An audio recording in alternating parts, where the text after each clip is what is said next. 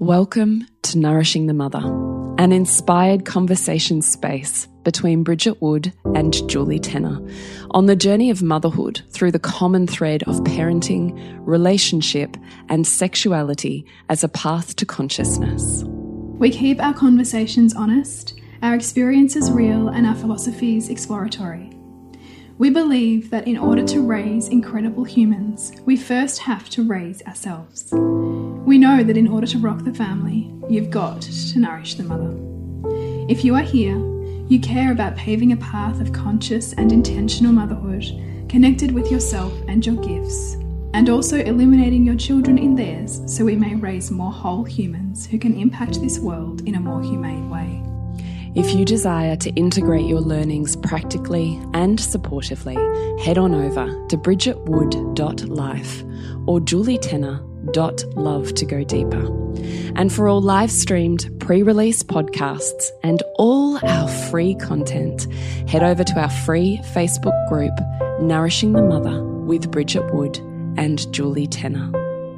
We are Julie Tenner and Bridget Wood, and we are so grateful you're here. Hello, and welcome to Nourishing the Mother. I'm Bridget Wood. And I'm Julie Tenner.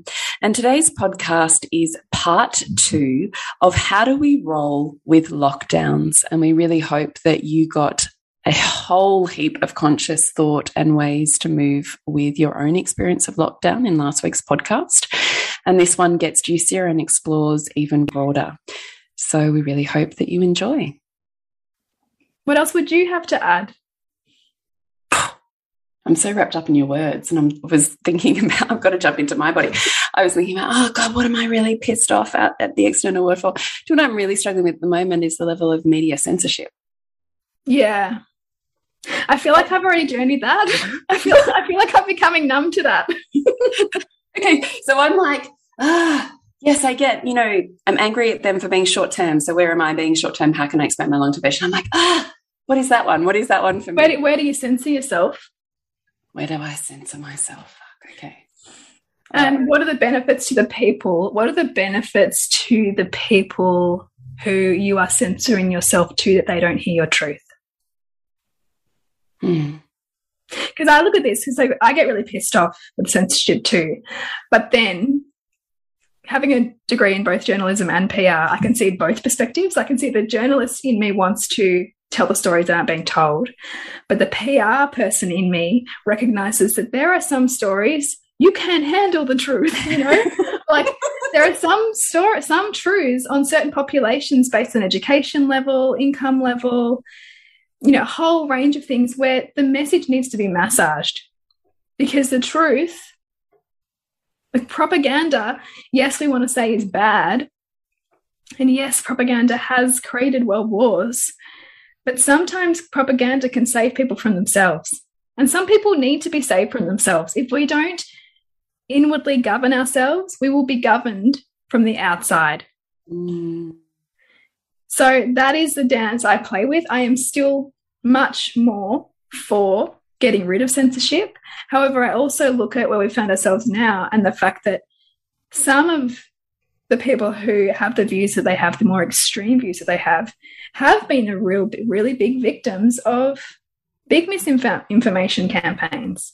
You know, like people who really jumped down the QAnon rabbit hole. That was a targeted misinformation campaign over a long time, and that changes people's psychology. So I don't. I have. I, ha I sit in the middle in some ways. I sit in the middle around um, some aspects of censorship. Yeah.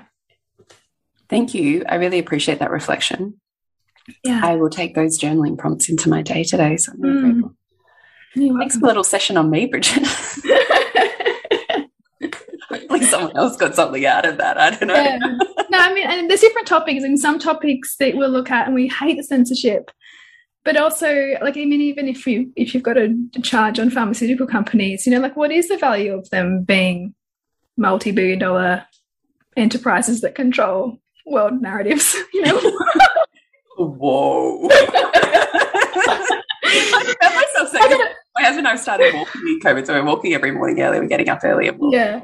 And I'm like, it's fucking pharma. And my husband literally looks at me and goes, what is pharma? And I had that moment where I was like, do we live in oh, do we live in different universes? Right. you know, pharmaceutical, big pharma. And he's yeah. like, what do you mean? Whoa. Whoa. yeah. it's funny. I was thinking to myself, yeah. And we are educated in the way that we're educated, aren't we? We are, yeah. And I mean, like having full awareness of some things has its benefits and its drawbacks. Like, how does knowing, you know, pharmaceutical ownership and like the like the influence they have on government um, policy, knowing that is helpful to know, but sometimes it's really hard to live with. It's true. It's very so, like everything has two sides. Very true. Yeah. You know, and not knowing. I mean, we say this in consciousness all the time, don't we? Yeah. Like, you're always knowing and not knowing. Yeah, yeah, yeah. Mm. There's blessings in not knowing. Yeah. Because imagine all of the angst that you haven't had to exist with not knowing that. Totally. Yeah, it's, it's, kind of like that saying ignorance is bliss. I mean, it is to a degree. There's, there's, a, there's an edge to dance. Extremes either way where you're going to get into trouble in anything, right? Yeah, yeah. So, I mean, you and I have got a coach we work with, and she's she's taking she's doing this whole like collapse your emotional polarizations on COVID, and I'm like, sign me up. I'm like, oh, can't be bothered. because it is one of those things that people who haven't had a lot of emotions around big world events have emotions around because yeah. of the way in which it's dictated, re re navigated, re I don't know, crafted daily life. And just it has it's changed the world so utterly and completely. Yeah. Yeah, we were talking about this over breakfast this morning in my family. I was like, I just we just thought we'd just keep growing. And instead, we've stopped. Mm. Like the world has stopped. Yeah. Like it's the most extraordinary thing. But then I always just think, but where's the conservation? Oh, of course, of course. But in terms but, of just... in terms of how we know how yeah. the world that we've yeah. known, like I even said that to my husband too. I'm like, can you like think about like we just took for granted cheap travel and flying anywhere. Like we just did. It's just what yeah. you just did. And like who knows when that's going to be a reality again? Yeah. And and for whom like I mean there's a there's going to be a whole cohort of like gap year kids and people in their 20s who just miss that. Totally. You know, who'll go from study to family. Totally. Because they haven't it hasn't been available to them. And then it's like, not open. Yeah. yeah it's just And at the moment just, neither of our states can't even travel in your own country. Yeah. Yeah. Exactly. Yeah. Like it's just it's, it, I mean I think when you begin to try to like look at it, it's just almost too big to fully grasp mm. the enormity of it. Mm. And then I know, and then whenever I start to go, like you know, it's really easy to look at all the um, huge business impacts and all the people who've lost so much. But then I always also think, gosh, there must be people who are just this is a bonanza of a time, you know. Hundred percent, there are. Hundred percent, there are. Like I said, you have I have friends who are deeply suffering. I have friends mm. whose businesses have eight hundred times xed. Mm. Yeah. So there's both happening. Yeah. It's just, it's just, it's the reorganization of an economy. And mm. that is messy, messy, brutal, you know, like, like any kind of microcosm of change. It's, it's like we're going through the biggest, biggest change socially since World War II. So we got, we're living through something none of us have lived through. Mm. And we would, you know, like World War II, that saw the birth of so much technology and so much of how we now live. Mm. And so we're just in the eye of the storm. And ultimately birthed the hippies who changed the world. Yeah. Yeah. Totally. Yeah. So, yeah, I'd love to think when we feel like there's so much destruction, like where is all of the opportunity and what is this void that's in our kids from this experience? What's that going to create in them? Yeah, I wonder that too. I do I do struggle with watching my teens in this experience. Mm. I do mm. feel like the impact on them is is big and will be generational. Yeah. Not just for like me, my kids, but for the kids who are in their cohort. Like I hear from my teacher friends that every lockdown it gets harder and harder to keep kids mm. engaged in school. So they're just dropping like flies in high school. So this is a generational impact that we will see for decades. Mm. And how much of that is also like, if you consider beyond the individual, which is devastating because I can we only have to take ourselves back to being teens or you watching the teen your teens mm. and teens, you know, to see how crushing that experience could be and among an already angst filled time. Mm. If we then consider what's happening as a as a way forward to transform the education system, mm. like how is what's going on also going to be mm. like the the the point that the line in the sand where how we've done things can be not cannot be done can be done that way no more. Yeah. Yeah.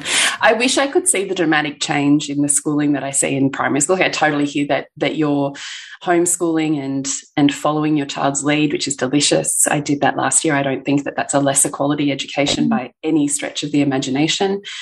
I just do not have the mental space for that this year. So last year doing that, I was like, it was amazing for my child with additional needs. It was like life changing for her. Mm. But it was a really big wake up call for me to go, okay, I had a lot of idealized conceptions of this. Mm. I've lived them for a consistent, you know, for, for a few months. And I, I just, I can't, I don't want to choose this. I don't want that. Yeah. Yeah. Yeah. Not because it's a cost for her, because I actually think it would be. But I can't balance that mm. with the me and all of the other humans mm. in our family. So it needs to look like an education system that I support in the best way that I possibly mm-hmm. can. So we're just jumping in quickly and interrupting this juicy conversation to let you know of our two favorite offerings that we have on at the moment. So I, as Julie Tenner, have Queen School that is opening on August 10. It's five weeks as a feminine and relationship transformative container. And Bridget Yes, and I have the Reimagining Motherhood membership, which is your space to come to feel nourished and connected and celebrated as the woman and mother that you are. And we have the Mother Seasons series coming up beginning on the 5th of August. Find out at bridgetwood.life. So, what I witness in primary school is you can enter an exit, or certainly now in my experience with my child, I can enter an exit as much as I like. I can give parameters around what she can and can't do as much as I like. I can get creative with whatever the activity is and change into something else and it's fine like the education there's a fluidity there's an mm. online factor that's never existed before like it's it's largely i think a pretty i'm pretty happy with the experience that we're having mm. at high school yeah they have kept exactly the same system in place. And instead of sitting in a classroom, you're sitting on your computer for every class of the day on mm. a Zoom call. I just can't understand how, even at this point, no one has said, "Is this the best way for teens to learn?" Like, like why? and it, on a screen for six hours a day. Mm, it's huge. It's huge. But is it because of the pressure of like looming VCE or looming HSC and like that you just I don't even know. I, I, don't I don't presume to know what those pressures are, but I can see how it's transformed or is transforming the fluidity and flexibility within a primary school system. Mm. But I don't see those changes filtering down mm. in a mm. high school system. Yeah, I've heard the same definitely with um with high school too, and like witnessing that particularly in kids who are already disengaged in high school. I mean, how do you keep kids no, exactly. how can you? School? How can yeah, you? You can't. No, and outside of that, I witness also an enormous social and emotional development that just isn't being met. So mm. they're incredibly isolated, which lends itself to less wholesome choices for a lot of children. Yeah.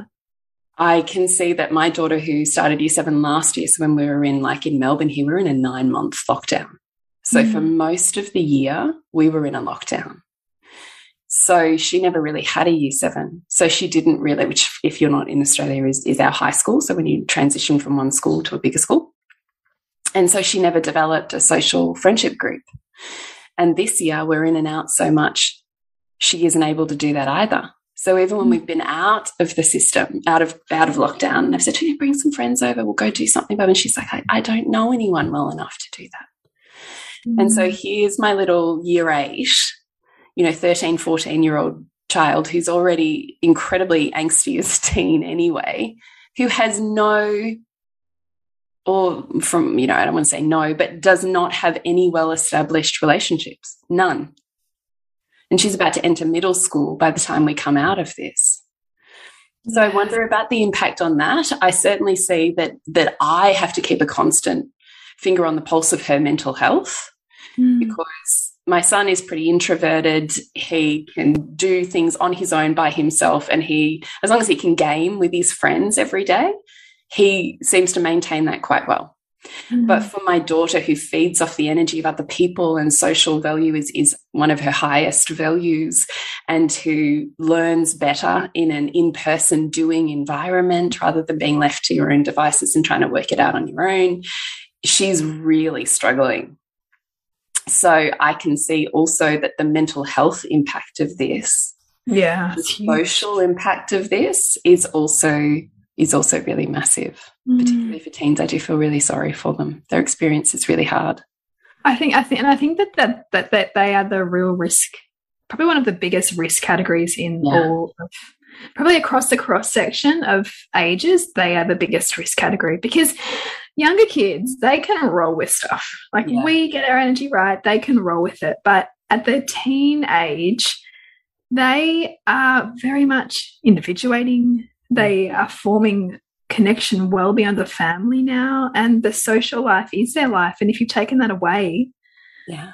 you've taken away part of their capacity to form who they are. Yeah. Yeah.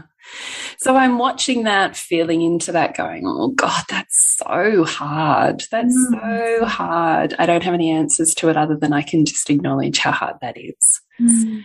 So then from a parenting perspective I have this 13, 14 year old daughter who I'm it for her at the moment. Mm.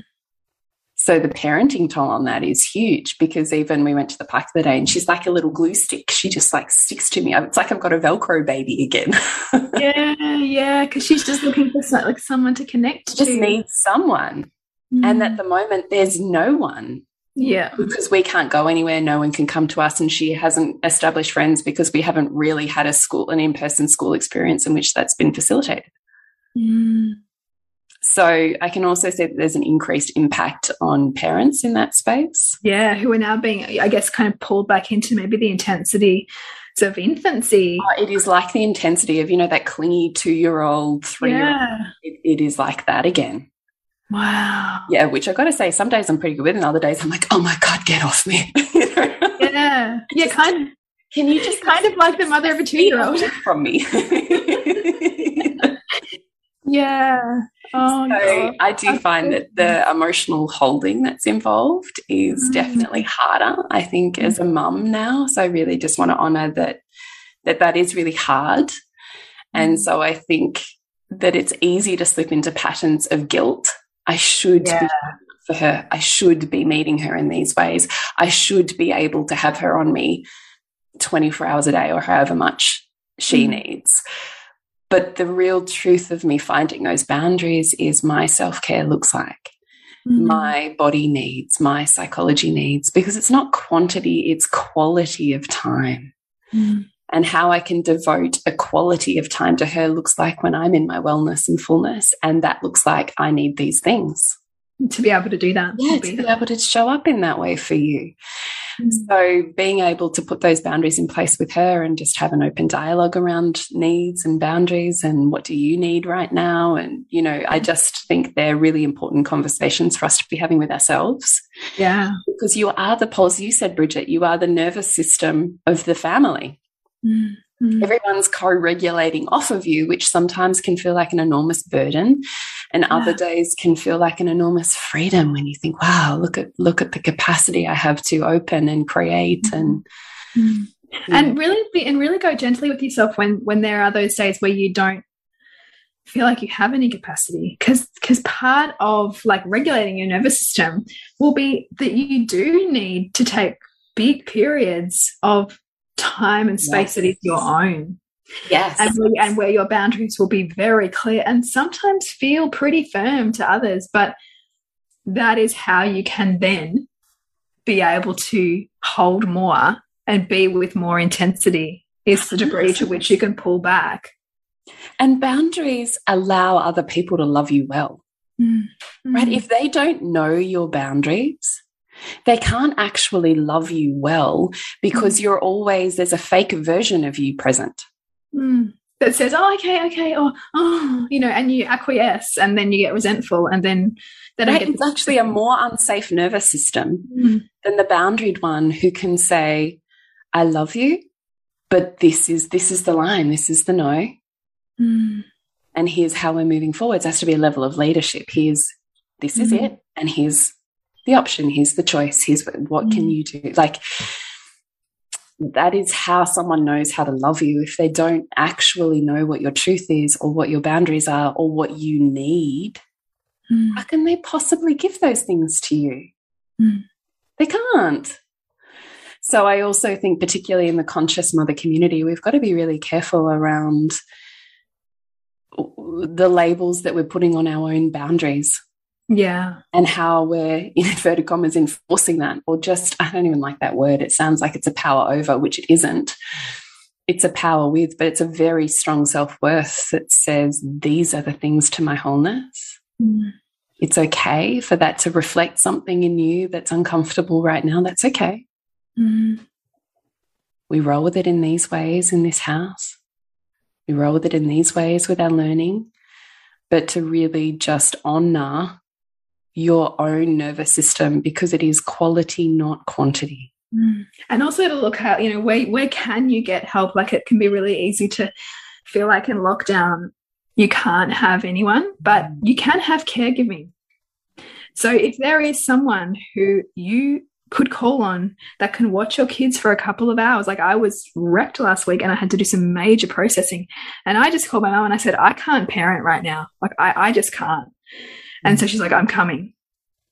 And so I needed three hours of just being in my own body, being of service to nobody else but my own needs, and being strong enough to allow myself that and not kind of go, oh, I can't ask, or oh, I just have to get on with it. But in the end, would have wrecked myself and not have been particularly great day of mothering.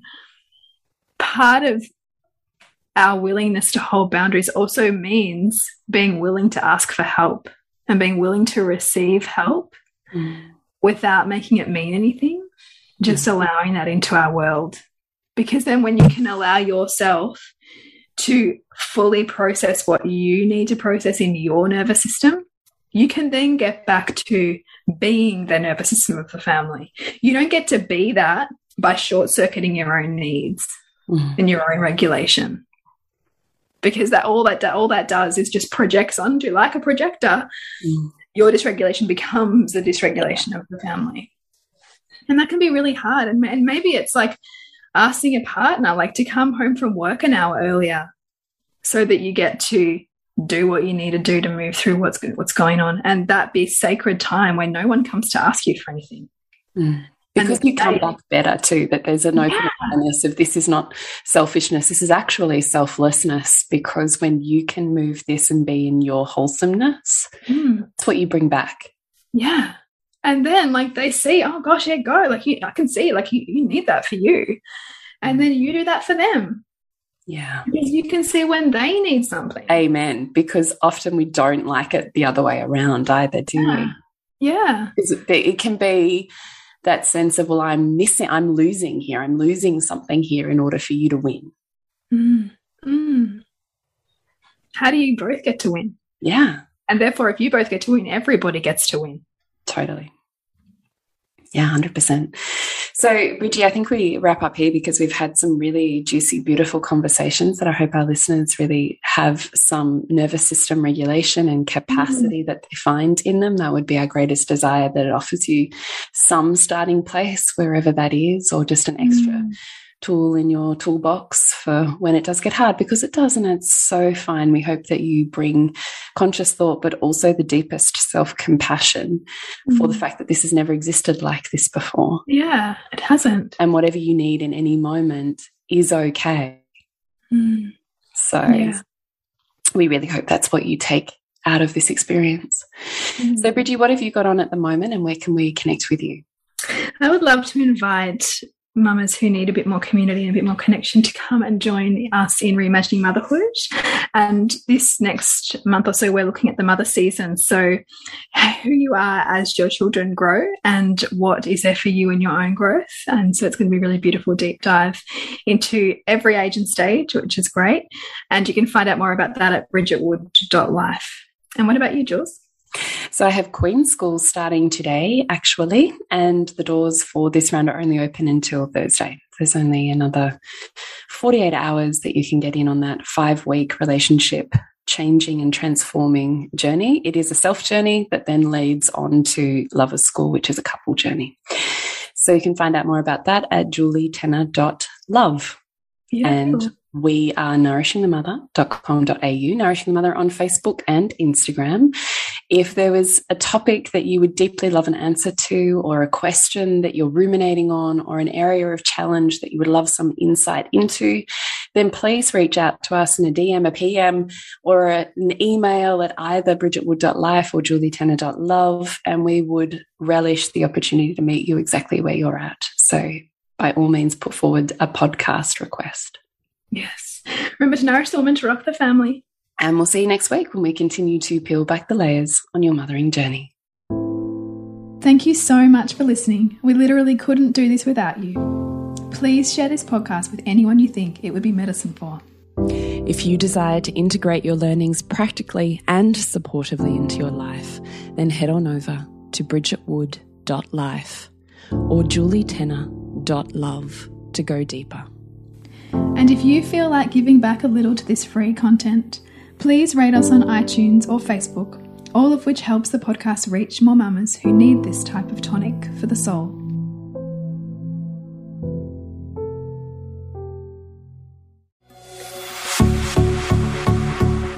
This has been a production of TheWellnessCouch.com. Check us out on Facebook and join in the conversation on Facebook.com forward slash The Wellness Couch. Subscribe to each show on iTunes and check us out on Twitter. The Wellness Couch, streaming wellness into your lives. Whilst the Wellness Couch presenter endeavor to provide accurate and helpful information to their listeners, these podcasts cannot take into account individual circumstances and are not intended to be a substitute for health and medical advice from a qualified health professional. You should always seek the advice of a qualified health professional before acting on any of the information provided by any of the Wellness Couch podcasts.